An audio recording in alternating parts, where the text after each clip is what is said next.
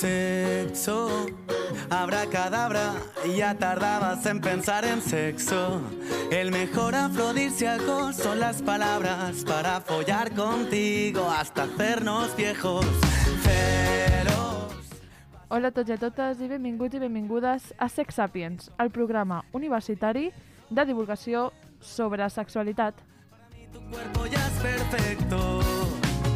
Voy a acostumbrarme a tus manías y empaparte la autoestima surfeando tus estrías.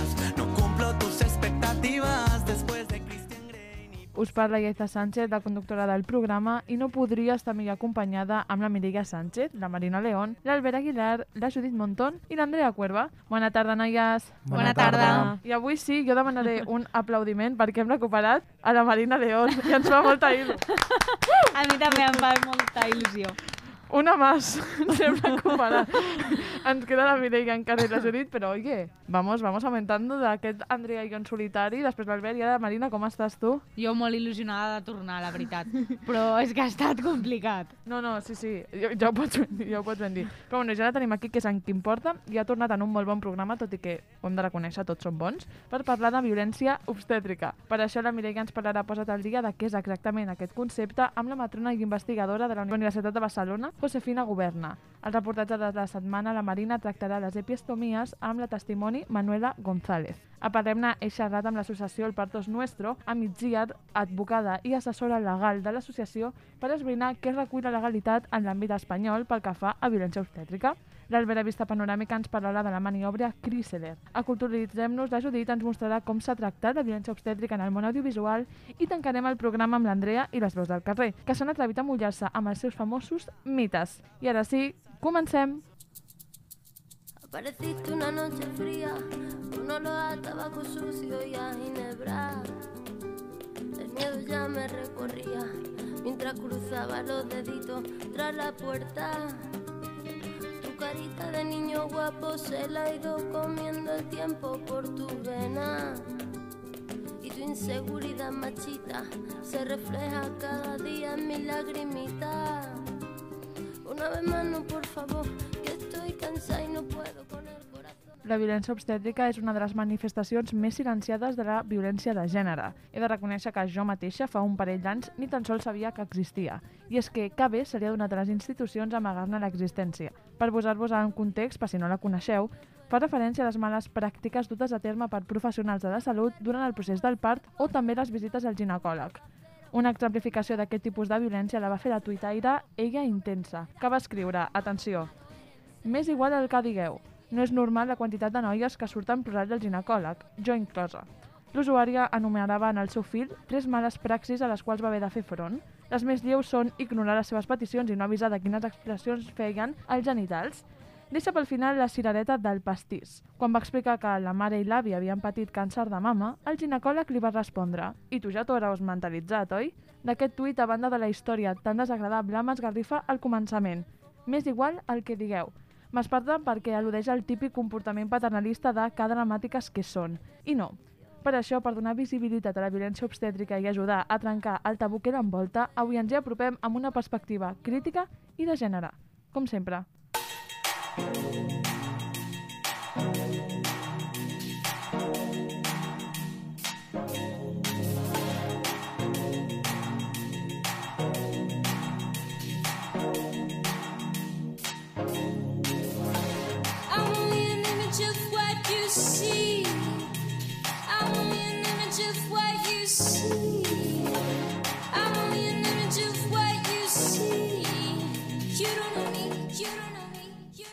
Començarem el programa amb la Mireia, que ens explicarà una mica sobre el concepte de violència obstètrica, que és un terme que potser no té massa bon acolliment dins del terme sanitari perquè m'ha explicat a l'editorial. De totes maneres, la Mireia no ha pogut ser aquí a l'estudi, com ja hem dit, però, això sí, no s'ha oblidat de nosaltres i s'ha deixat la, la secció ben preparada. Així que la tindrem aquí, que també, doncs, tot s'ha de dir, la trobem a faltar. Atents perquè és molt il·lustratiu i ja veureu que aprendeu molt. Escoltem-la. Aquest estiu, el Consell General del Col·legi Oficial de Metges d'Espanya va mostrar la seva preocupació per la nomenclatura de violència obstètrica en les modificacions que s'efectuaran a la llei de l'avortament per part del govern espanyol.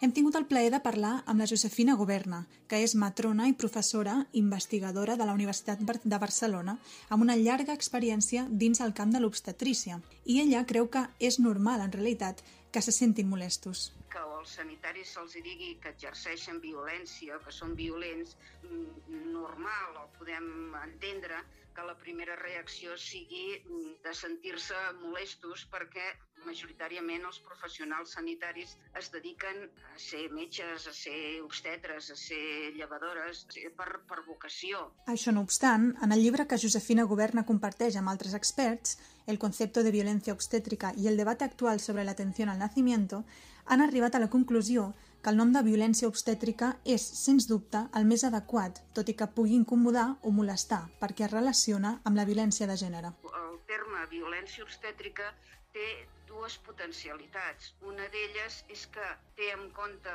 l'aspecte de violència de gènere cap a la dona, és a dir, que és una violència que s'exerceix des de l'àmbit sanitari a les dones per ser dones. Segons la professora, el terme és doblement adequat perquè, tot i que assegura que, evidentment, les principals víctimes de la violència obstètrica són les dones, considera també que, en molts casos, el mateix personal sanitari també n'és víctima. Hi ha professionals que també són víctimes de la violència obstètrica, perquè la cultura institucional, aquesta que, que, que fa que es treballi d'una determinada manera, no? per tal de, que, de prioritzar només els resultats, els monitors, o sigui, les variables fisiològiques i biomèdiques sense tenir en compte doncs, la, la relació, els aspectes emocionals, doncs tant afecta a les dones, que sobretot, però també alguns professionals, i també hi ha professionals doncs, que deixen d'exercir l'obstetrícia o que se'n van a altres àmbits doncs, pel mateix motiu, eh? o que pateixen estrès exactament pel mateix motiu. Segons la professora, el terme és doblement adequat perquè, tot i que assegura que, evidentment, les principals víctimes de la violència obstètrica són les dones, considera també que, en molts casos, el, el mateix personal sanitari també n'és víctima ve sobretot de la voluntat que hi va haver a, a principis, a finals del segle XIX i sobretot a la primera meitat del segle XX de disminuir la mortalitat de les mares i dels nens i aleshores es van fer unes polítiques sanitàries molt encaminades a disminuir aquesta mortalitat moltes vegades sense tenir en compte doncs, a la dona. La professora assegura que en aquell moment es van implementar pràctiques que van ser necessàries per assegurar que tant la dona com la criatura sortissin de, en vida del part. Avui dia, però, en un punt en què les pràctiques han permès reduir aquestes mortalitats, a vegades està fora de lloc que se segueixi primant obtenir bons resultats per sobre de la percepció i el consentiment de la mare. Aquesta voluntat de millorar la salut de la població, començant per millorar la salut dels nadons i de les mares és el que va acabar creant una cultura institucional, una cultura sanitària que implica un paternalisme i a vegades quasi bé patriarcat dels de professionals sanitari cap a una malentesa defensa de la salut com un bé absolut sense tenir, o dels bons resultats com un bé absolut sense tenir en compte doncs, que qualsevol intervenció o qualsevol aspecte eh, sobre un úter gestant s'ha de fer a través de la dona. Ella mateixa, investigant sobre obstetrícia, s'ha trobat amb llibres que retraten aquesta violència obstètrica. Veiem sí. que hi ha una, una diferència important entre eh, llibres d'obstetrícia, per exemple, del segle XVII i XVIII, o llibres d'obstetrícia de finals del segle XIX i XX, en què comencem a observar encara que la dona es queixi, això no importa. Lo important és aconseguir l'exploració, lo important és aconseguir el mm. resultat. És aquesta cultura institucional que, que es transmet de generació en generació que fins que no es produeixi un canvi en aquesta manera d'entendre que cal un respecte, fer participar la dona que no és una eterna menor d'edat, que no és que no pugui entendre, mm. no és que no pugui opinar, no? sinó que se l'ha de tenir en compte i se l'ha d'incloure. Així doncs, Governa assegura que la violència obstètrica no és tant la pràctica que s'efectua, sinó el fet que hi hagi una manca de respecte o una manca de consentiment cap a la mare en practicar-la. Necessària en un cert moment pot ser una mala praxi. Si es fa sense una indicació, en un altre moment pot ser una pràctica que salva la vida de la mare i del nen. No és tant una pràctica bona o dolenta. Si està ben indicada, és bona, i si no està ben indicada, és una mala praxi. Però si aquesta cesària, encara que sigui necessària, es fa sense informar la dona, es fa sense tenir-la en compte, se la entra a quiròfan i sense dir-li res, se la lliga perquè no es bellugui, se l'enriu d'ella si està tremolant. És aquestes actituds les que acaben condicionant o acaben tenint la vivència d'aquesta violència. Les principals conseqüències que pateixen les dones víctimes de violència obstètrica són traumes perinatals, estrès posttraumàtic o por a tornar a un nou part o pànic a tornar a tenir un part en una institució hospitalària. La Josefina Governa creu que tot i que a vegades hi ha parts complicats que sí que requereixen d'intervencions, un bon pas per posar fi a la violència obstètrica, a més de mostrar respecte cap a la dona i, evidentment, fer-la partícip del part que està vivint, és despatologitzar l'embaràs l'ambient on s'atenen, i amb l'ambient vull dir fins i tot l'ambient, les habitacions, les sales, el que siguin compartides o individuals, el que puguin haver cases de parts o llocs d'atenció al naixement separats de, de lo que és un centre hospitalari que per definició se tenen malalties i mm. l'embaràs i el part no són malalties, no? encara que algunes vegades, com dic, siguin complicats. Doncs potser això, i més ara amb la situació de pandèmia que estem, crec que replantejar o pensar quins haurien de ser els llocs de naixement i com haurien de ser, penso que és un debat que s'ha d'implementar. Moltes dones no són conscients que han estat víctimes de violència obstètrica perquè simplement mai li han donat un nom a allò que van viure quan van ser mares. Probablement perquè durant molts anys han preferit sotmetre's a la disciplina hospitalària que s'havia instal·lat a canvi d'una garantia de bons resultats i això s'ha acabat convertint en una violència invisibilitzada i normalitzada. Per això esperem des de Sex Sapiens que el debat sobre violència obstètrica segueixi canviant el model assistencial del part, tot i que, probablement, segueixi incomodant alguns sectors. Ella se ha cansado de tirar la toalla Se va quitando poco a poco de la araña No ha dormido esta noche, pero no está cansada No miró ningún espejo pero se siente todo guapa hoy. Ella se ha puesto color en las pestañas, hoy le gusta su sonrisa. No se siente una extraña, hoy sueña lo que quiere, sin preocuparse por nada. Hoy es una mujer que se da cuenta de su alma. Hoy vas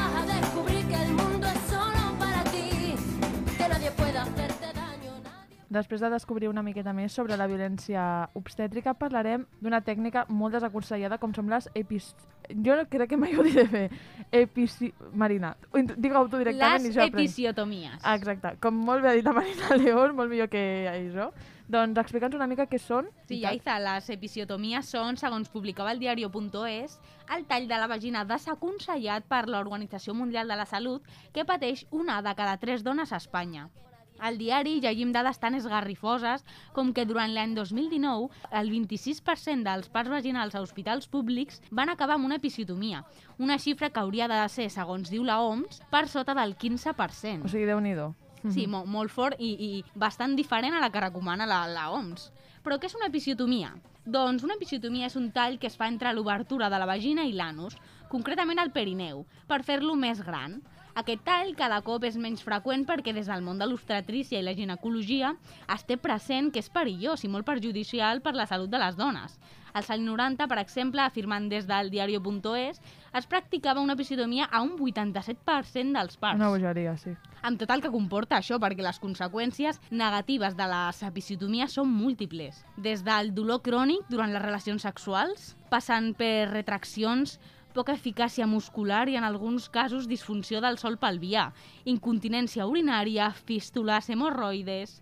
A la Manuela González, una dona de 52 anys i també la meva mare, tot s'ha de dir, amb el seu primer fill li van fer una episiotomia per primer cop, als 25 anys, i ho recorda com una pràctica molt dolorosa i molt traumàtica. Era primeriza, di a luz, me hicieron la episiotomía y a los dos días de estar en casa, cuarto día de, de, haber dado a luz, le digo a mi madre, mamá, mírame cómo tengo lo de los puntos, porque yo me lo lavaba, ¿no? Con desinfectante y eso. Le digo, mamá, mírame porque no sé, al, al lavarme he notado ahí algo raro. Y me dice mi madre, uy, si lo que se te han abierto son todos los puntos. Entonces, claro, yo, claro, yo me asusté, claro. Y entonces, pues, claro, estos se habían abierto los puntos. Total, que tuvimos que ir al hospital. A l'hospital van comunicar-li que un cop oberta la ferida no podien tornar a cosir. La Manuela va trobar-se amb un nadó que tenia dies de vida i amb una ferida completament oberta a una zona molt delicada. Me tuvieron que dar antibiótico y tenía que ir cada dos días a San Juan de Dios, que era donde yo di a luz, a curarme, porque claro, aquello era una herida abierta, una herida abierta pero con muchas capas, que ahí había un agujero, literal. Y claro, eso tenía que estar bien desinfectado, en fin. Y a todo esto, pues con un bebé, dándole el pecho, Va ser molt de temps el que la Manuela va passar amb dolor. Les relacions sexuals van deixar de ser plaents i encara actualment pateix les conseqüències d'aquella episiotomia, amb fístules i hemorroides. lo que no recuerdo ya, porque como claro, yo qué sé, quizá esto también lo intentas olvidar un poco, cuánto tiempo duró, no lo sé, pero mucho, porque claro, eso se tenía que cerrar solo. Y duró mucho, pero claro, a todo esto con molestias, dolores. Y luego, pues cuando ya estaba todo cerrado y todo, a la hora de mantener relaciones durante muchísimo tiempo, yo tenía ahí muchas molestias. Y entonces, claro, se lo dije a mi ginecólogo y claro, ahí la opción que había era volver a abrir y reestructurar todo eso, ¿no? Porque claro, eso al no volver a poner puntos, pues cerró como pudo. Y, y entonces a lo largo de, de durante los años, pues claro, ya todo eso se quitó, esos dolores, esas molestias se eliminaron. Pero estuve durante muchísimo tiempo que además al lavarme y eso, al tocarme ahí, pues una sensación súper rara y súper mal. Pero sí que es verdad también que a raíz del primer parto y de la episotomía y todo esto, también me salieron hemorroides y una fisura anal, que desde entonces estoy padeciéndola. Amb el segon part es va tornar a repetir l'episiotomia. Li van dir que seria molt petita perquè no calia fer-la més gran. Encara avui la Manuela es pregunta si era necessària. Luego cuando tuve a mi hija, al segundo, ahí sí que me volvieron a hacer otra episotomía, pero ahí fue mm, más pequeño porque me dijo, te voy a hacer un corte súper pequeñito porque no hará falta. Y la verdad que bien, ahí no tuve ningún problema, pero me la hicieron igualmente. O sea que no sé si a lo mejor no hubiera hecho ni falta, no, no, a eso ya ahí no, no lo entiendo, pero que directamente y ahí no tuve problemas. És molt fort com veiem que això és una cosa bastant rutinària. I normalitzadíssima. A l'article del diari Oponés del que he tret les dades del principi es parlaven moltes dones que deien que, clar, que, que demanaven que no, que no, que no la fessin i se la feien igualment. Ja no és només fer una cosa que està malament i que provoca tants anys, però sinó que una pacient ha dit explícitament que no la facis. Que és Exactament. un, com un altre nivell. A mi no sé vosaltres, Andrea Albert, però em sembla superfort que estigués tan normalitzat i jo, per exemple, no coneixia, no sabia dir el nom, però és que tampoc el coneixia. Ja no només això que Tu has m'has estat mirant com tot el reportatge en plan, això és una barbaritat. Déu-n'hi-do el, que, el que ha explicat la Marina. Ja no només el que, que ha dit ella, que bueno, en aquest cas es va negar fins i tot a bueno, aquest tall del que ha parlat ella, sinó de moltes vegades silenciada aquesta, aquesta pràctica, no? Els metges es beneficien d'això, de, del Sí, del tabú desconeixement. d'aquesta pràctica i la fan moltes vegades sense consensuar. Sí. Jo després portaré també una maniobra perillosa, la maniobra de Christeler, i déu nhi també el desconeixement, el, lo perillós que és en aquest tema. A més, és que moltes vegades aquestes pràctiques són per facilitar una mica la feina del metge. O sigui, vinga, que esto vaya rápido, no sé Sí. què, vamos a hacer esto. 100%. Bueno, anem a respectar el procés. No sé, si la mare ha d'estar 5 hores més parint en comptes de que li faci l'episiotomia, pues, pues se les estarà i ja està, saps? O sigui... Això és el que sempre m'ha explicat la meva mare, que el segon fill era jo. I era un, Bien, bien. era un tall molt petit i això ella sempre ho va percebre com que era per, vinga, ja està, o sigui, no volem esperar més, li farem el tall molt petit perquè no necessita realment un forat molt gros, però no Clar. volem esperar que, a que acabi de dilatar per ella mateixa. I això ja ho va percebre així. El que passa que com no va tenir tantes conseqüències, després del primer era com "Ah, el que vulguis i si em queda bé. Que Clar, fort. I la de dones 100%. que estaran amb la mateixa situació i que hauran viscut el mateix que la teva mare... I encara està patint conseqüències, és que és molt Són greu, eh? anys, això eh? va ser als 26 anys, si té 52. I Ja encara veus. pateix de conseqüències. És que això també el que diguen a la Mireia, que moltes dones no saben que han patit violència obstètrica perquè està super silenciada. Ja. I Jo... Bueno, la meva mare, jo quan li vaig definir la violència obstètrica perquè parlaríem d'això, va dir, clar, clar, això és el que m'ha passat a mi. Clar, però quan tu li vas explicar... Clar, ella no, no ho Exacte. sabia ni ho percebia així, ho va pensar, doncs, bueno, em va passar una cosa dolenta i ja està. Sí, com una mala experiència, Clar, i quan no? va veure les dades i el que recomana la OMS, que és menys d'un 15%, i que ara actualment estem a un 26% més o menys, o sigui... Sí. I ara us preguntareu què recull la legalitat pel que fa a la violència obstètrica. Doncs jo us avançaré que és un concepte mm, molt extens que no recull, spoiler, la legalitat espanyola ni la catalana. Però tot això ho parlarem a Parlem-ne, així que estigueu atents. Perfecte.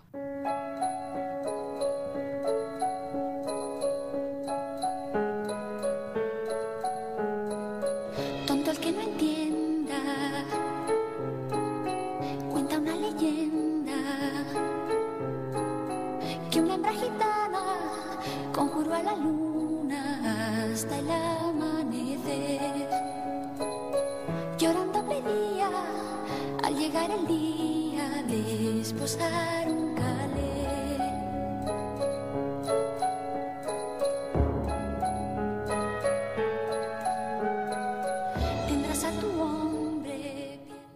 Avui a Parlem-ne he xerrat amb Itziar Eizmendi, advocada i voluntària en l'àmbit legal de l'associació El Parto es Nuestro, que s'encarrega de visibilitzar i lluita per la violència obstètrica. Hem parlat d'exactament què recull l'àmbit espanyol i com hauria de ser una bona legalitat dins d'aquest àmbit de violència. Així que escoltem-la. La primera pregunta de la entrevista que te quería hacer es que en julio de 2021, hace bastante poco, el Ministerio de Igualdad anunció que incluiría la violencia obstétrica como concepto en la reforma de la ley del 2-2010. ¿Cómo valora este hecho? Desde la Asociación El Parto es Nuestro, este anuncio que efectuó en primer lugar la directora del Instituto de Mujeres causó en primer lugar sorpresa. Sorpresa a la vez que esperanza, ¿no? Porque son muchos años en los que asociaciones como la nuestra y otras, también activistas, profesionales y sobre todo, sobre todo muchas mujeres han aportado sus experiencias, han hecho públicas sus testimonios, han reclamado y en definitiva han luchado y, y denunciado una realidad que hasta el día de hoy se niega y que se está produciendo impunemente, ¿no? Entonces, este parecía, por un lado, un primer reconocimiento a esa lucha, de alguna manera, y también un paso para que esa impunidad pudiera empezar a desaparecer. Y hablo un poquito como en pasado o de esta manera porque si bien existe esa esperanza, ¿no? De que el borrador de ley incorpore el concepto de violencia obstétrica, también es cierto que cuando se abrió la fase de consulta pública, esa modificación de ley en el documento que anexaba no contemplaba el concepto de violencia obstétrica. Y fue justamente después de que el colectivo del Colegio de Médicos pusiera el grito en el cielo por este anuncio. Entonces, bueno, no sabemos si realmente se va a contemplar este concepto y en qué términos. Por tanto, nuestra postura es un poco de expectantes y, y de ser cautelosas al respecto. Teniendo en cuenta que, bueno, lo has comentado, que la ley española no recoge el concepto actualmente y deja un poco las víctimas a la merced de las circunstancias sin protegerlas realmente, quería preguntarte qué debería incluir la legislación española para proteger a las víctimas de este tipo de violencia. Entendemos que esta lacra al final no va a desaparecer solo mediante la legislación o por el mero hecho de que se contemple en la ley este concepto. Creemos que hará falta mucho más porque es algo que al fin y al cabo está muy arraigado y es muy profundo porque es un tipo de violencia de género y como tal será necesario que se dé un profundo cambio en la sociedad. Y entendemos, bueno, pues que tendrá que ser abarcado desde, desde distintos ámbitos, no solo por el legislativo. Entendemos, por un lado, pues que será necesario, evidentemente, y sin lugar a dudas, su reconocimiento, ¿no? No solo del concepto, también de sus causas, porque como decimos, como forma de violencia de género o violencia contra las mujeres, es imprescindible que se reconozca para que haya un rechazo colectivo y una alarma social la que se merece. También se necesitan fondos, entendemos, porque, bueno, hay que garantizar una calidad de los servicios de salud reproductiva. Hay que invertir, hay que contratar a personal sanitario. Es decir, si no se trabaja en condiciones dignas, obviamente va a ser muy difícil que se trate dignamente a nadie. También las prácticas médicas tienen que estar respaldadas por la evidencia científica. Por tanto, entendemos que es muy importante también que se dé formación, no solo formación en ese sentido, también formación en violencia obstétrica, formación en perspectiva de género, cualquier colectivo que trabaja con mujeres tiene que estar formado, hay que educar en perspectiva de género. Si no, es, es, difícil darse cuenta ¿no? de que se está produciendo ese daño. También es indispensable respetar el consentimiento informado de la mujer. Eso entendemos que es bueno, sagrado. Eso tiene que estar en el centro, la autonomía de la mujer.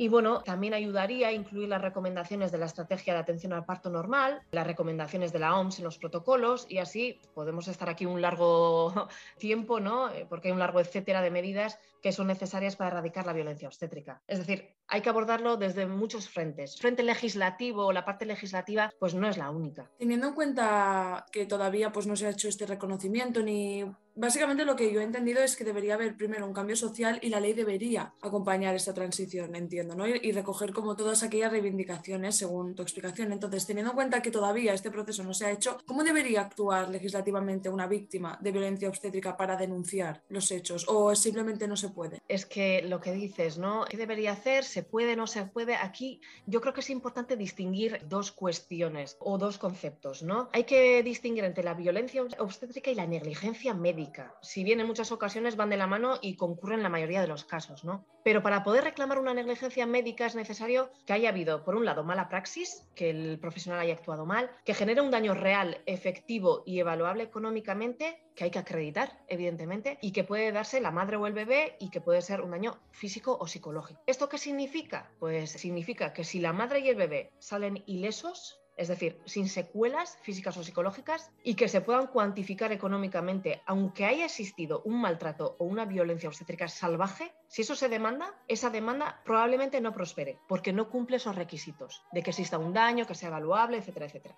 Por tanto, actualmente, si no hay daños cuantificables, una víctima de violencia obstétrica lo único que puede hacer es interponer una queja o una reclamación. Lo puede hacer ante el hospital, lo puede hacer ante la Consejería o Departamento de Sanidad Autonómico, colegios profesionales, el defensor del pueblo, etcétera, etcétera pero no en un juzgado, o al menos en un juzgado lo que no va a encontrar es resarcimiento por ello. Por ejemplo, no me dejan estar acompañada en las ecografías o incluso en el parto, que ocurre actualmente mm, en demasiadas ocasiones por el tema de la COVID, ¿no? En contra de toda evidencia científica y de todo sentido común, eso también hay que decirlo, porque si se cumplen con las medidas de distancia e higiene no tiene ningún sentido pero ¿puedo acreditar que me produce un daño, una secuela cuantificable económicamente? Pues difícilmente. Y en este caso estamos ante violencia obstétrica, que es atroz, porque no hay razón para dejar sola a una mujer en un momento vital, ¿no? De tal vulnerabilidad. Pero esta es la situación que tenemos actualmente. Aunque haya violencia obstétrica, si no hay negligencia médica, lo único que puede hacer una víctima es presentar una queja o una reclamación. Y a veces puede parecer que esto cae en saco roto, pero también hay que decir que no es así, que reclamar es una buena manera de dejar de visibilizar y de cambiar las cosas. De hecho, es que así se han mejorado muchas cosas, se han cambiado muchos protocolos a golpe de reclamación. Y además también ayuda de alguna manera a sanar las heridas de esas mujeres que también lo han sufrido. ¿no? Entonces, nosotras siempre, siempre hemos animado a que se reclame. Antes me has comentado, bueno, me has mencionado al Colegio de Médicos de España y a mí también me gustaría comentarlo porque el pasado 12 de julio indicó que rechaza, ahora estoy citando literalmente, rechaza y considera muy desafortunado el concepto de violencia obstétrica para describir las prácticas profesionales de asistencia al embarazo, parto y posparto en nuestro país. Lo digo literalmente también para que las personas que lo están escuchando se puedan contextualizar. Además, también mostraban su preocupación por la creación de innecesarias alarmas sociales que contribuyen a erosionar la necesaria confianza médico-paciente. Esto, bueno, es una declaración bastante ilustrativa que evidentemente no tiene por qué aglutinar el comportamiento de todo el personal sanitario, pero que sí que lo dijo el Colegio de Médicos de España. ¿Qué opina de esta declaración? Sí, eso es. Bueno, pues opino que han adoptado un papel de víctimas cuando las víctimas son otras. Y que si se sienten aludidos y ofendidos, también por algo será. ¿no? Como acabamos de, comentar, existe una laguna legal por la cual, como hemos dicho, se cuelan actuaciones que atentan gravemente contra los derechos humanos de las mujeres y sus bebés, pero que quedan fuera de todo control. ¿no? Y es que además hay que tener en cuenta que esta violencia se produce en un ámbito, es decir, en consultas médicas o paritorios, en los que en muchas ocasiones las mujeres se encuentran solas, como mucho con un acompañante, ¿no? y en el seno de una relación de poder médico-paciente, ¿no? esa confianza que decían que se rompían. No, no, es que aquí hay una relación de poder clara, médico-paciente, en la que además impera esa sensación de libertad e impunidad por parte de los sanitarios. ¿Por qué? Pues fundamentalmente por dos razones. Porque, por un lado, se producen en ese entorno cerrado en el que es muy difícil acreditar que se ha producido. Y por otro lado, porque a las mujeres no se les da la credibilidad que merecen. O sea, no se las cree cuando esto pasa. Por tanto, como decíamos, estos casos en los que las madres y sus bebés han podido ser maltratados, humillados y el parto intervenido y nada respetado, pero al no derivar secuelas constatables, no existe procedimiento de reclamación ni reparación posible, ni en consecuencia se han depurado nunca responsabilidades. Por tanto, que ahora se puedan exigir esas responsabilidades que antes colaban, les aterra, evidentemente, esa es la postura ¿no? del Colegio de Médicos y lo entendemos, pero si la violencia obstétrica no existiera como dicen y actuaran bien como defienden, no debería de asustarles tampoco, pensamos.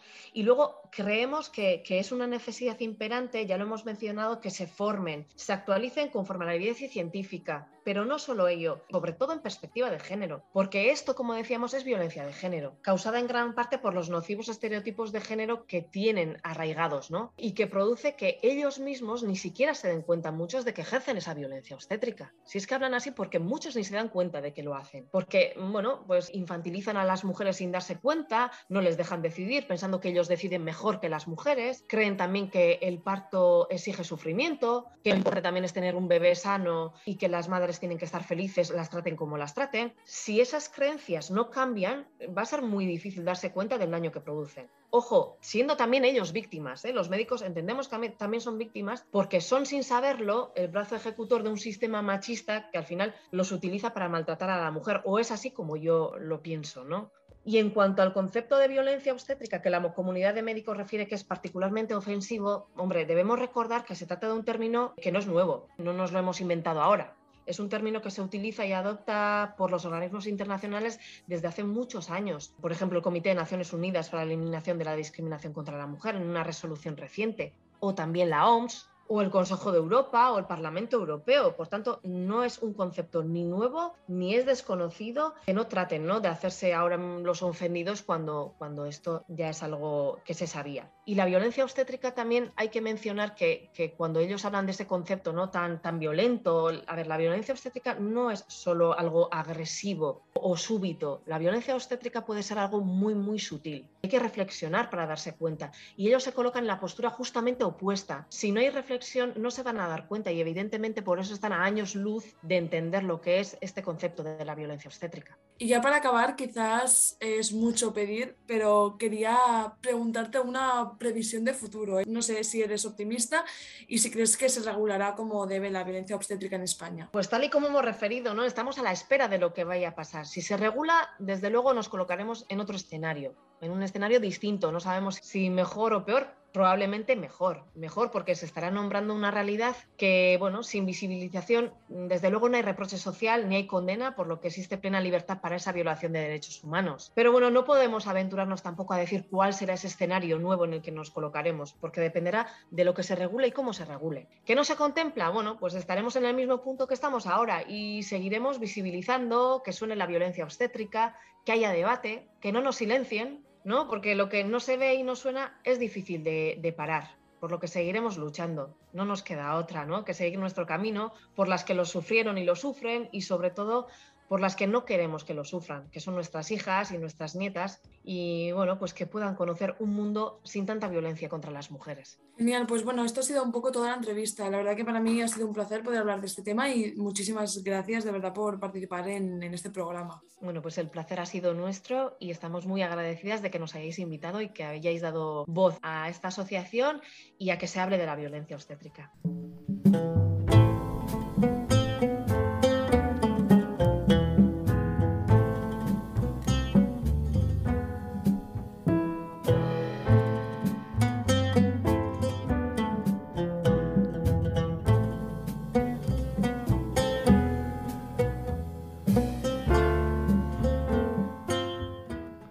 De dir que no sé de què parlem, bueno, sí ho sé, no em faré la tonta, però la música No és curiosa.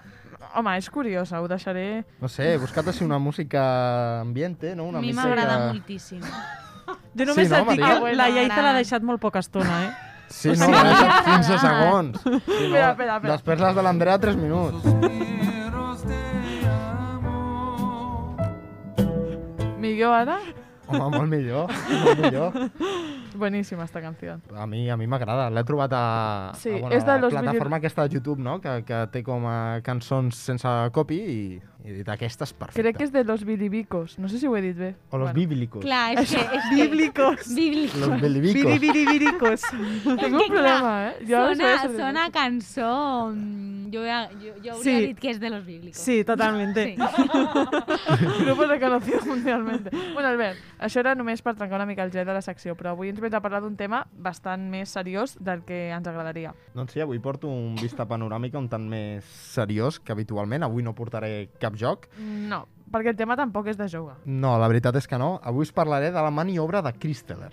Habitualment, un dels moments més complicats de la maternitat és el part. Encara que sol ser una experiència grata per l'arribada del bebè, també pot estar plena de pors, incendesa i dolor. Per facilitar el procés, la comunitat mèdica ha començat a qüestionar alguns dels processos emprats en els parts, pel fet que comporten una sèrie de riscos. Un d'aquests procediments, precisament, és la maniobra de Christeler. A mi m'agradaria preguntar-vos si us sona la maniobra de Christeler, si, si la coneixeu. Jo, no sé si m'equivocaria, però és que jo he escoltat sobre una maniobra que consisteix en la persona ginecòloga fica els dits dintre de, de la vagina i com que provoca el part. Vas molt ben encaminada, la veritat. Jo ni idea, Andrea, tu? una mica Sí, d'això jo que... he escoltat el mateix que Vale. la Marina, sí. L'única que sóc jo, bueno.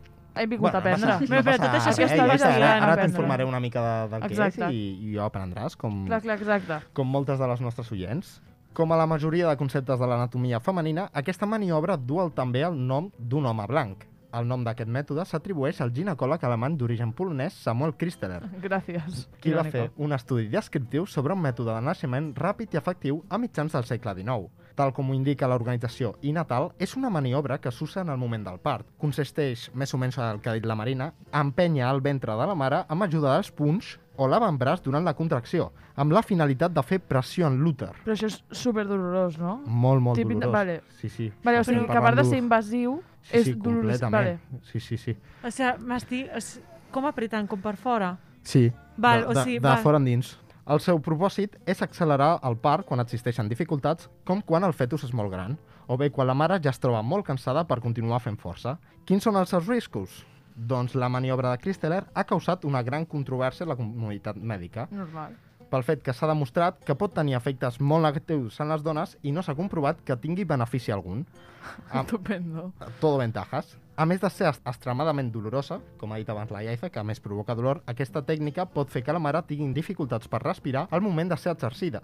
Però aquestes no són les seves úniques conseqüències. Un estudi realitzat per científics de la Universitat Sant Martín de Porres i la Universitat Sant Ignasi de Loyola, a Lima, Perú, va revelar que diverses dones van sofrir diversos problemes de salut a causa de l'aplicació de la maniobra de Christeler. De 116 dones a les quals se'ls va realitzar aquesta tècnica, més del 82% va tenir un estirp vaginal superficial i el 15% va presentar un estirp profund. O sigui... Per tant, moltes conseqüències, totes negatives i, I molt res bo. greus. I moltes molt greus, I aleshores, o sigui, exactament per què es fa? es fa perquè en els parts que són més complicats, els metges aleguen, entre cometes, que és l'única solució per extreure Ah, el bebè. I, bueno, Ja. i moltes vegades ni ho ja. diuen, Ja, ja, ja, val, ja t'entenc.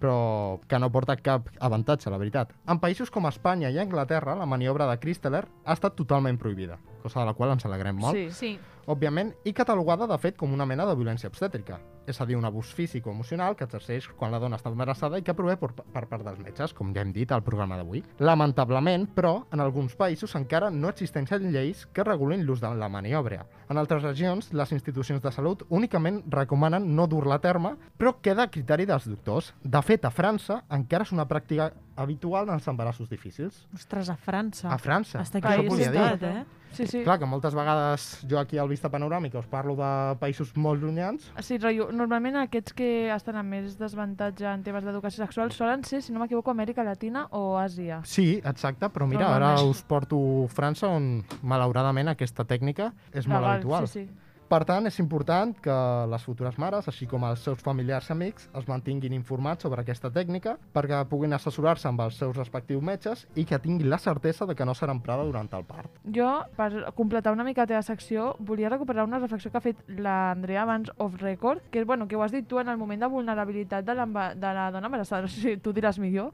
que No, sí, sí, aquí és- parafrasejant. Totalment això. O sigui, que trobo que és un moment en el que les dones, bàsicament, és que t'has com d'entregar al metge o a la metgessa que tinguis davant i és el que diu la Llef, és un moment de vulnerabilitat màxima i que en aquest moment t'hagis de tenir també por perquè aquesta persona et pugui tractar malament, o sigui, has de tenir com molta confiança en aquesta persona i tot el que passa al voltant Sí. et fa no tenir-la, saps? O sigui, que no només et preocupes pel nadó, que seria el Exacte. més lògic i pel teu estat de salut, sinó també, en plan, a veure què en fan, què no en fan, perquè ja tens desconfiança, perquè veus que és, és una pràctica... O sigui, no, no la maniobra, que també, sinó que hi ha moltes pràctiques que engloben la violència obstètrica. I, hòstia, mm, jo si en un futur em quedo embarassada, jo estaré com molt nerviosa per això. Sí, Totalment. jo també. Jo volia dir que abans jo havia parlat de la pràctica on es fiquen els dits a dins, que és, pa, és un tacte vaginal, que aquesta no és la, la que ha explicat l'Albert, sinó que és la de Hamilton. Ah, Hamilton, que és una de les altres més, Sí, més i comuns també. sí que, és, sí que es practica a Espanya, veritat? Sí, diria que sí. Et Diria, si, la si no vaig bossa. errat, Pot, mm, pot provocar el sagnat, infeccions, un trencament de la, de la bossa que, i que es surti el líquid amniòtic, sí. Sí. i també unes contraccions irregulars i molt doloroses, i a més,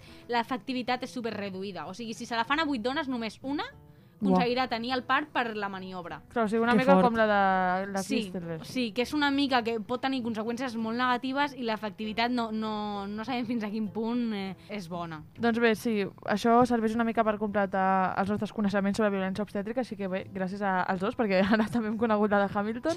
Així que un cop havent repassat aquestes maniobres passarem a saber doncs, què ha fet el món audiovisual per denunciar aquest tipus de violència amb la Judit Monton.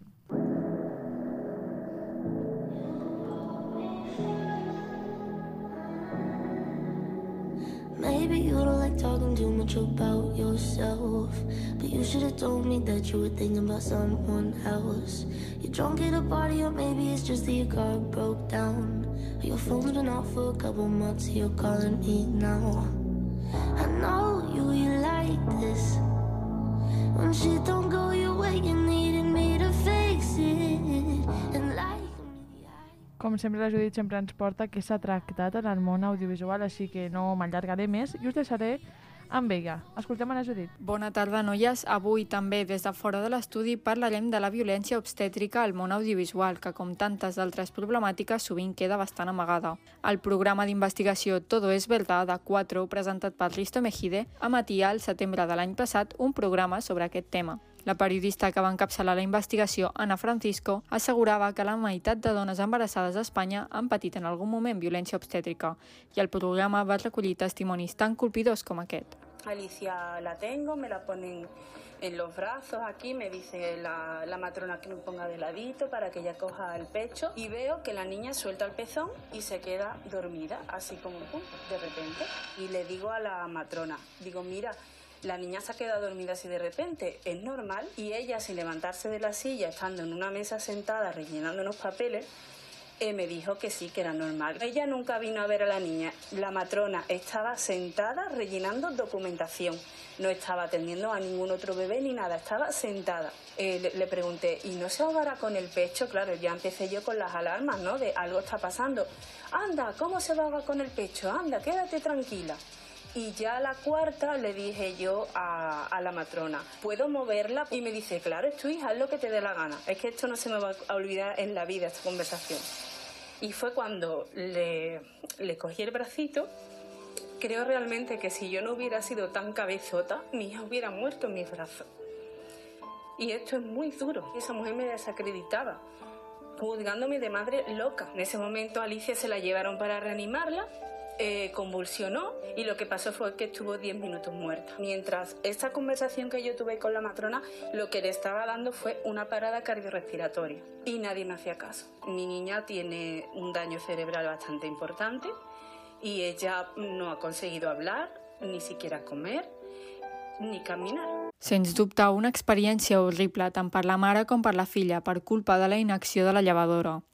Pel que fa a la ficció, el 2012 l'organització El Partos Nuestro publicava un curt titulat Por tu bien, dirigit per Iciar Boyain i protagonitzat per l'actor Luis Tosar, que interpreta una persona que està de part.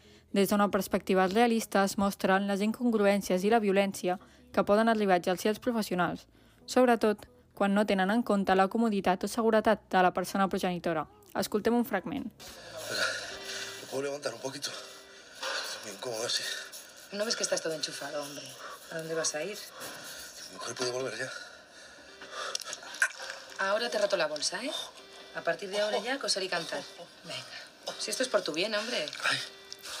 La sèrie d'Amazon Prime Madres, Amor i Vida mostra a la tercera temporada un cas de violència obstètrica, en el qual la Raquel, que és mare, imagina que tindrà un part natural amb poca intervenció mèdica, però això acaba allargant-se i a causa de no dilatar prou, els metges li practiquen una episiotomia i fan servir fòrceps sense el seu consentiment. L'actriu que interpreta aquest paper, Hiba Abuk, assegura que és un tema complicat i tabú que cal tractar molt de respecte perquè afecta a moltes dones i quan afecta és per tota la vida. La pel·lícula Fragmentos de Mujer relata de manera molt realista les escenes d'un part, que culmina, malauradament, amb una pèrdua perinatal i narra també tot el que comporta això pels seus progenitors. Al mateix temps, reivindica la negligència mèdica per part de la llevadora com un clar exemple de violència obstètrica. Tot i que sovint passa desapercebut, la incomoditat que hi poden generar les escenes de parts o embarassades a la ficció també es reflexa la normalització de la violència obstètrica. Coneixíeu aquests exemples que us he portat? En sabeu algun més? Què me'n dieu? Recuperant una mica la pregunta de la Judit, jo no sé si aquí a l'estudi sabeu casos. Jo us confesso així de primeres que no he vist gaire representació a les meves sèries, a les pel·lícules que jo he vist o llibres de violència obstètrica. No sé si ha sigut casualitat o és que realment hi ha molt poca. Però bueno, us trasllado, us passo la pilota a vosaltres, noies. Jo crec que és el que dius, eh, Yaiza? Jo crec que n'hi ha molt poc. O sigui, dels quatre casos que han aportat, els tres últims sí que els, els havia escoltat, però el programa de Todo es mentir... No, Todo es verdad, crec que es diu ara. sí, el canvi aquest. Aquest programa no l'he vist en concret, el que parla sobre violència obstètrica, i m'ha semblat... O sigui, Esgarrifós, eh? Sí. Jo igual... Jo... Pell de gallina, eh, de veritat. És que t'ho imagina't, a part, jo me l'estava escoltant i dic, veràs, que mor, no sé què, i després ja quan Sí. ha dit això dic, és que quan tens, o sigui, quan acabes de néixer el nadó, és una edat supersensible on tot pot tenir efectes per tota la vida. Exacte. I ja quan ha dit que no ha parlat, i digo, és que normal. O I sigui, el fort de tot això és que hi ha casos de violència obstètrica que tenen un final feliç, entre cometes, per dir-ho d'alguna manera, perquè el nadó està sa i l'únic que a tu et quedaran unes seqüeles de per vida psicològiques. Però hi ha casos de violència obstètrica que fins i tot el nadó té problemes com el, el primer o l'últim que ha explicat la Judit. Clar. I, per exemple, en el primer cas, que és aquest, aquesta nena que té com seqüeles, clar, tu veuràs a la teva filla durant tota la teva vida i veuràs en, en el reflexe d'aquella violència que vas viure aquell dia en Sí, ella, per sí. sempre, a més. O sigui, te'n recordes tota la vida d'aquells 15 minuts, 20 minuts que tu vas estar Totalment. ja patint i que ja et van ignorar. Totalment, És i em duríssim, sembla eh, brutal això. i molt dur, Això és duríssim i no supera, jo crec. Jo tampoc ho penso, la veritat. Vosaltres, Albert Marina, coneixeu algun exemple? Jo no coneixia cap d'aquests exemples, però m'ha fet pensar el que sempre em diu la meva mare, que el metge s'ha de ser super pesada. Sí, 100%. Buah, tens tota la raó, sí. Perquè aquesta mare hauria perdut a la seva filla. 15 minuts i l'hauria perdut, potser. Sí, això ho ha dit ella mateixa, de fet. I És més que- mal que vaig insistir, que si no... Jo volia dir que al final eh, gairebé totes les seccions estem parlant de conseqüències, si us fixeu, de conseqüències molt negatives, i al final el que fa això és visibilitzar que això no és una problemàtica menor, com molta gent es pensa, o una pro- o fins i tot que, que o, no una, o una mala experiència puntual de "Ah, és que has Exacte. anat al ginecòleg i t'ha dit tal, bueno, un... Jo crec jo l'he que dit a dormir. aquestes conseqüències i aquestes seqüeles que estem portant de, de les víctimes fan visibilitzar la, la gravetat de la problemàtica de la violència obstètrica. Molt Suposo que es important. necessita molta educació en aquest tema al personal mèdic. Sí, és que és, és la clau, eh? O sigui, jo crec que... Perquè hi ha, de fet ho em comentàvem en l'entrevista, també hi ha molta, i la Mireia ho ha comentat, negació per part de la comunitat mèdica perquè se Això senten com superinsultats. Sí. sí, i jo crec que s'hauria com d'obrir una mica la ment de no sentir-se tan... És que lo tan, siento. Jo, sincerament, m'és molt difícil empatitzar en aquest Ja. sentit, en plan, mira, que sí, que està molt bé que siguis metge i jo t'agraeixo molt que fan una feina magnífica i que salven vides i que curen càncers, curen enfermetats, molt bé, això em sembla estupendo, però no et creguis una espècie de Déu totpoderós que no pot fer res malament, en plan, si tu has fet una mala praxis per desconeixement, doncs s'assumeix, es demana perdó i se segueix, però no I ho més, continuïs negant. hi ha molta part de la comunitat mèdica que crec que se sent simplement atacada. O sigui, no Perdona? t'estem atacant a tu directament, estem atacant pues, les, les males praxis que fan. Segons quines persones d'aquest sector, que no tens per què ser tu, però s'ha de dir i s'ha de denunciar. O sigui, sense que aquestes, aquest sector que se sent atacat no avanci i comenci com a 100%. ficar-se de part de la ciutadania, no es pot avançar. Jo volia recomanar un article del diario.es un altre cop, perdoneu. Estimem, no, no, estimem el diario.es, eh, aquí, o sigui, a mi m'encanta també. on hi ha una ginecòloga molt top actualment, que també és influencer a les xarxes socials i que parla molt de temes de violència obstètrica, que va declarar per aquest diari, va fer, li van fer una entrevista només per aquest tema, i el titular és Míriam Aladip, com es diu la, la ginecòloga, Sí. diu He practicat eh, el que la OMS, Organització Mundial de la Salut, de la que us he parlat abans, defineix com violència obstètrica. Ara actuaria d'una altra manera. Ostres! O sigui Està que molt fins bé. i tot ens n'adonem de que quan els metges ho coneixen, ho poden reconèixer i evitar-ho. És que jo això, mira, a mi això jo ho, aplau ho aplaudeixo moltíssim. O sigui, Totalment. genial. Amb aquesta perspectiva més positiva, doncs acabem el Culturitzem-nos de la Judit, li enviem també un patronàs ben fort per veure si pot venir aviat a l'estudi i passem amb la última secció, amb les veus del carrer, a veure doncs, què hem après i què, i què ens queda per aprendre, que mai s'aprèn prou. Tú que has sangrado tantos meses de tu vida, perdóname antes de empezar, soy engreída y lo sabes bien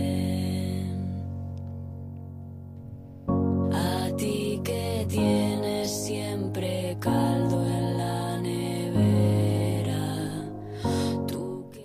Una cançó bastant nova, he de dir, eh? Molt nova. Aquesta cançó se la volia dedicar a la Marina, perquè estem molt lina amb la Rigoberta Bandini. És que m'encanta, m'encanta. És que és, és una reina i hauria d'anar a Eurovisió i ensenyar una teta, que és, és el que, que vol fer. És una cançó que jo visc com a filla orgullosa de la meva mare, de totes les Exacte. mares del món, però és que la vist com si jo fos mare. O sigui, és, que, és que una intensitat. Tota la raó. Tota la... Sí. I a més, us la porto perquè abans de començar amb els mites, una curiositat. Jo no sé si sabíeu que la Rigoberta Bandini va patir també violència obstètrica. No? Doncs Ni idea. ella ho va explicar en una entrevista a Fluxer, a un programa crec que es diu Les Unyes. Ella va anar a fer-se una revisió i tal, i no sé què, i quan li van fer la revisió, doncs van començar a dir-li com que el nen tenia un problema, no sabien explicar-li ben bé què és el que tenia, o sigui, bueno, la típica que et diuen 30 paraules tècniques, no n'entens ni sí, una. exacte, perquè no sou mèdicos. ni Bàsicament. I llavors ella tenia molt clar que volia tenir un part natural i que tot vingués quan havia de venir i tal, i no volia un part induït. I al final li van acabar practicant un part induït, mmm, molt ràpid tot, bueno, bàsicament tot el que ella no volia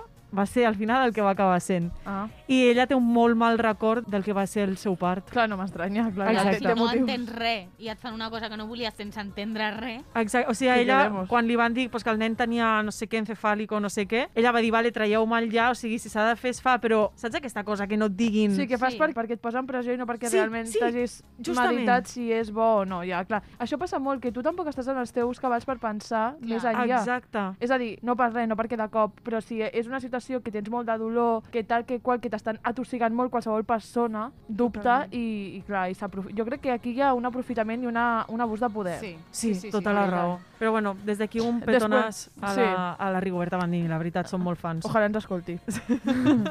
Ja sempre estem com anomenant a gent que és Sí. molt probable que no ens escolti, però bueno. Eh, vam anomenar, jo crec que un dia, Chris Hemsworth. Sí. Segur que ens escolta amb la Elsa. Segur. Exacte, un petó des d'aquí Un petó també, Chris familiar. Hemsworth. Claro que sí. Bueno, però ja anem directament al primer mite que us porto avui, que és la violència obstètrica és un tipus de violència masclista. Què n'opinen les veus del carrer? Sí. No crec. Crec que sí. Si és en contra de les dones, violència masclista. Sí. Vale, jo crec que un ho ha resumit bastant bé. Si és violència contra les Sí. dones, és violència Ah, masclista. exacte. 100% sí, jo crec que sí que és violència masclista. Pues us suspendrà, però és fals. Actualment encara no s'ha establert com a Ai? tal. Encara. Encara. Però és que Bueno, clar. Encara. moltes vegades et sents com una persona eh, que estàs fent drama, que no sé què, i això és sempre a les dones, que som unes dramàtiques. No, és que això sí que és violència masclista. És que és una mica... és que No mates el mensajero. té tota la raó la Marina. Sí, sí, I a 100%, més, abans ho parlàvem també entre nosaltres, que no només es pateix violència masclista en l'àmbit de l'obstetrícia, sino que Exacte. a les dones moltes vegades se nos echa bastante, bastantes I- piedras encima a qualsevol àmbit de la sanitat. Sí. I de per fet, dramàtiques... Sí, de fet, a la- l'entrevistada, per exemple, ho defineix advocada, la Itziar, ho defineix com un, una mena de violència obstètrica. Sí, Molta gent ho defineix així, eh, de part de la violència de gènere, tot i que no sigui oficial. Exacte. No és oficial de moment, o sigui, des de mitjans de l'any passat s'ha discutit des del Ministeri d'Igualtat i l'Institut de les Dones la proposta d'una reforma per la llei de salut sexual i reproductiva. I en aquesta reforma es preveu fer algunes modificacions respecte a la, la irrupció voluntària de l'embaràs i, a més, incorporar la violència obstètrica com a violència masclista. Llavors, eh, és això, el fet d'incloure aquesta violència obstètrica dins aquesta llei faria que la violència obstètrica passés a ser violència Clar. Masclista. I això, aquesta opinió ha sigut rebutjada per molts ginecòlegs, tant homes com dones, que considera que es criminalitza i que es podria, tractar la, es podria trencar la relació entre metge i pacient. Jo ja no em repetiré aquí, ja ho he dit abans. Ja ho hem parlat, Sí, sí. sí. Sí, jo crec que és una mica el que dèiem abans, que fins que no trenquem amb aquesta sensació de que se sienten atacados... Sí, com, de, que, com si les víctimes fossin ells. Exacte. Sí, és una mica això, o sigui, no Sí. sois tan protagonistes, lo sentimos. vale, anem directament ja al segon mite, que diu que Espanya no ha sigut condemnat per cap cas de violència obstètrica. Què n'opinen les veus del carrer? Possiblement, però no està bé. No ho sé. A veure, cert. Jo diria que és cert. Mm, possiblement. Què en penseu, nois? Jo és que eh, vaig llegir un article, així que contesteu si voleu. Aquesta crec que me la sé, volia dir. Ah, pues si, si te la saps, llança-la, eh? Vale, és Vinga. que ja, la primera condemna que va haver-hi va ser d'una dona a la qual li van induir al part i a Espanya no va fer res, però va ser a la ONU, a les Nacions Unides, la que va fer que a Espanya com retribuís a la dona. Ara va ser com... És que és un comitè concret com per l'eliminació de les dones dins de, la, de les pròpies Nacions Unides. He de dir que a dia d'avui Espanya no ha fet res per recompensar la víctima. és la informació que jo sé. No, no, o sigui, literalment m'has desmuntat l'explicació del segon mite, o sigui, Ai, ho has fet genial. Gràcies, és que me encontré un artículo. Ah, sí, sí, és, és totalment... Segurament seria un article de eldiario.es. Sí. o sigui, és, És així. És possible, important és- sí. veure com està sortint molt el tema de la OMS i a Espanya la veiem una mica coixa, no? Sí, Perquè sí. sempre la OMS és la que està manant Sí. en violència obstètrica, però des d'Espanya falta, falta molt, no? Jo l'únic que sé és que Espanya està pendent d'una reforma de llei, però Exacte, és el, més. el que comentàvem. Però bueno, o sigui, bàsicament el que va passar és que la ONU qualifica la violència obstètrica com un fenomen generalitzat al 2019 i al febrer del 2020 Espanya ja era condemnada pel primer cas de, de violència obstètrica. O sigui que pel primer, que serà, Exacte. N'hauria hi ha hagut moltíssims més que no en tenim ni Exacte. idea. El primer com oficial, que Exacte, no vol dir exacte. tots. El comitè de la ONU, aquest que comentaves de l'antidiscriminació contra la dona... Això. Va, de la ONU, sí, exacte. Va reconèixer desenes de tactes vaginals, la introducció d'oxitocina i l'episiotomia, entre d'altres, com a procediments innecessaris als quals es va sotmetre aquesta dona que va denunciar el cas de violència obstètrica. O sigui, li van practicar absolutament de Tot. tot. I la condemna es va dur a terme 10 anys després del part, però és que durant tots aquests 10 anys aquesta dona va patir estrès postraumàtic, va patir ansietat, flashbacks... Clar. Sigui, jo crec que ja li tocava. Sí, 100%, i jo et diria que encara a Espanya no li ha recompensat. És a dir, No, que, sí tot, que no i trigar, tot i trigar 10 anys, és que ho vam comentar amb l'Itziar, jo per això ho sé, que ja Sí. va dir, m'ho va explicar com a off record, que encara Espanya no ha fet res per recompensar-la. No sé que ho hagin fet fa poc, les últimes dades oficials és que no, per la qual ja no són només els 10 anys que ha hagut d'esperar, sinó que encara està esperant la recompensa, tot i que la Totalment. sentència sigui favorable. Sí, perquè si això va ser el 2020, Covid de por medio, pues bueno, 100%. las cosas de Palacio van despacio. Bueno, pel que veig és molt important. Ole, se me ahí, bueno metido. és que... I volia destacar això de les conseqüències que no només són físiques, sinó que també mentals. Perquè jo Totalment. reportatge he citat molt les físiques, el problema de, de la meva mare físic i tal, però, ojo, els traumes i, i, i després, si tens durant molts anys, per exemple, dolor mantenir relacions sexuals, potser quan no ho tens també et fa por. És que Exacte. són moltíssimes les conseqüències mentals de, de la violència obstètrica, també. Sí, tota la raó. I bueno, ja anem cap a l'últim mite que ens diu que parir en una posició incòmoda, practicar cesària sense justificació o donar un tracte infantil a la persona gestant són exemples de violència obstètrica. Les veus del carrer opinen el següent. Sí. Cert. Sí, jo també diria que és cert. Va, Vull dir, és de forma injustificada. Sí.